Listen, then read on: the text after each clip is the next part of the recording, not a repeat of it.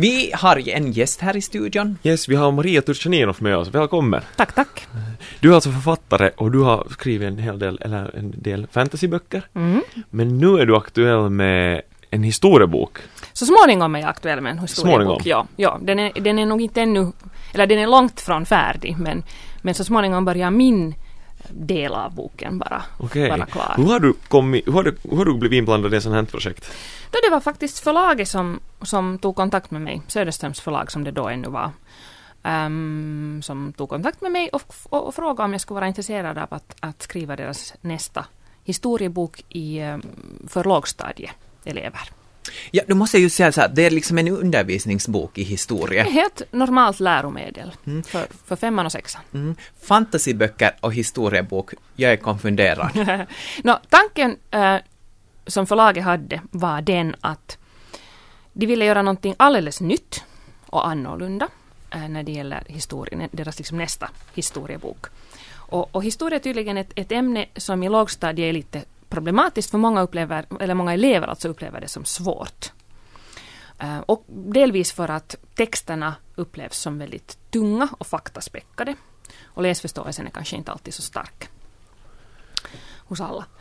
Ehm, så, så förlaget ville ha en skönlitterär hissabok. Okej. Och, och eftersom jag har bakgrund då, både som journalist, det vill säga jag är van att samla in information och har skrivit för barn och unga, så tror jag att de tyckte att jag är en, en, bra match för det här projektet. Så det är alltså frågan om en skönlitterär historiebok. Oj, vad Det är ganska fint. intressant. Det kommer alltså inte bara vara slaget vid uh, Narva 1945. Ja, Nej. hur, hur, mycket sådana uh, skönlitterära, jag menar inte, inte kan man ju skriva sånt som inte har hänt heller, inte, utan det måste ju vara fakta Eller smyger du in lite fantasy där i? Jag får inte, alltså det är ju en fantastisk berättelse alltså. Jag måste ju, jag måste ju, ja, det spelar med tidsresor och sånt. Men, men i övrigt måste jag ju hålla mig nog till, till, till fakta. Till fakta. Och det var kanske den stora utmaningen för mig i början. För jag har ju alltså, jag jobbar ju inte på något sätt ensam med det här, det är ju ett projekt som jag gör i samråd med förlaget. Det finns en, en eh, lärargrupp som, som har varit mig till stor hjälp på vägen och som berättar då vad man ska ta upp och det finns ju en läroplan som jag måste följa och, och de berättar vad de brukar ta upp på, på lektionerna och vad som är viktigt och vad som eleverna är intresserade av ofta och jag har suttit med på en historielektion och så här för att få se. Um, och, eh, och sen har jag då läst. Och den stora utmaningen för mig var när jag började liksom vilja ha med all fakta. Ja, när jag har läst in mig på liksom en tidsperiod och sen vill jag då med, med liksom våld tynga in all fakta i texten. För det är ju så spännande tycker jag, för jag har alltid tyckt om historia. Och sen när jag inser att men det går inte i en skönlitterär text. Jag kan inte få med all de här ta- fakta för det bara tynger ner texten. Att jag måste jag måste ha med krokar så att lärarna sen i, i liksom undervisningssituationen kan hänga upp en massa fakta liksom, och kan referera till den där texten som de där barnen såg där i, i, i, i Rom på Circus Maximus. Så, och sen kan man liksom gå vidare. Så det blir mer som ett sånt buss, eller liksom bussar, man bygger på det här sen. Lite, man har ja. fått barnen att läsa det först och sen kan man gå vidare. Det jag tänkte fråga var det att du, du har suttit med på timmarna och också pratat med lärarna. Har du pratat med eleverna också? Nu inte direkt själv, nej. Nej, det har jag inte gjort. Jag tänkte bara, för jag tycker när jag studerar historia, nu kommer jag inte riktigt ihåg lågstadiet, inte riktigt i färskt minne, men att lärarna är oftast väldigt intresserade av årtalen. Lite så årtalsfixerade. Jag tror det har ändrat ganska mycket nu. Det, det är inte så hemskt mycket, åtminstone är det inte tanken och framförallt inte med det här läromedlet. Um, att vi satsar inte speciellt mycket på årtal utan naturligtvis finns de med och vi hopp, men vi hoppas liksom att lärarna inte ska fokusera på det i första hand utan på sammanhangen. Vad ledde vidare till det här och varför utvecklades eh, till exempel romarriket på det här sättet? Mm. Har man uppmärksammat också det här att folk har väldigt olika inlärningsmetoder. Vissa förstår text väldigt bra, just har bra textförståelse, men just bilder och, och sånt här, kommer det att tas upp i boken? Absolut. Det tas inte direkt upp i boken. Boken är på det sättet en, en vad ska vi säga, en ganska traditionell bok, en, en tingest så här. Men sen kommer det att finnas en massa tilläggsmaterial på nätet. Um, och det är den här lärargruppen framför allt som har då skrivit faktatexter som då alltså har anknytning till boken och, och, och som vi refererar mellan så här.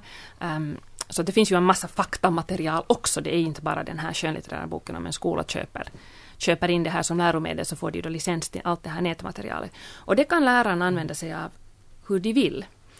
Um, man kan printa ut det och låta eleverna läsa det, man kan läsa det högt, man kan fritt återberätta det. Man kan, många skolor idag har, vilket var spännande för mig att se, ha sådana här liksom, vad det nu är, videokanoner eller saker, så att du kan få upp de här bilderna stort och fint på väggarna. Och så kan man till exempel, då ska vi ha en massa bilder, det ska ju då illustreras rikt det här läromedlet, både med, med illustrationer och, och foton och bilder och så här. Och då kan man ju få upp den på väggen.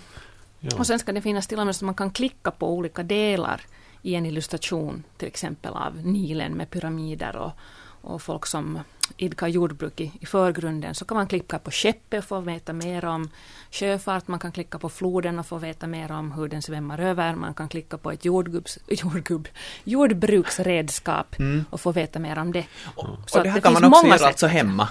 På den där internetgrejen? Så vitt jag begriper så, no, jag är inte helt säker på för det är ju licensierat nog så att det mm, no, ja, förstås, ja. tekniska saker som jag inte alltid vet no, hur de Vi går inte in på det men det här tycker jag att det är jättebra ja. för oftast när man var lite yngre så kanske man just inte hade, man förstod inte vad de menade när de stod att de räfsa hö, hö på vet du, gården. Så kan man ju gå och kolla på mm. bilden att wow, en räfs, no, det är en sån här med piggar här på som man höll på med. Precis. Hö på. Så det där är jättebra, det där tycker jag stöder väldigt bra den där andra inlärningen. Absolut, ja, alltså, jag, själv just med bilder så här, jag är ju sån som ser mycket mer i bilder och lär mig mer än i text. Så jag håller helt med. Absolut. Och sen är tanken alltså att den här historien ska vara spännande och medryckande och väcka nyfikenhet hos eleverna. Just mm. att här finns inte all fakta finns inte med i själva texten utan, utan tanken är att, att, att, man ska bli intresserad av att ta reda på mer. Precis. Och den har testats liksom kapitelvis och så här har, har, har den testats på i, i vissa skolklasser och, och hemma hos, hos lärarnas barn och sånt här. Och, och åtminstone den respons som vi har fått har varit jätte, jättepositiv. Att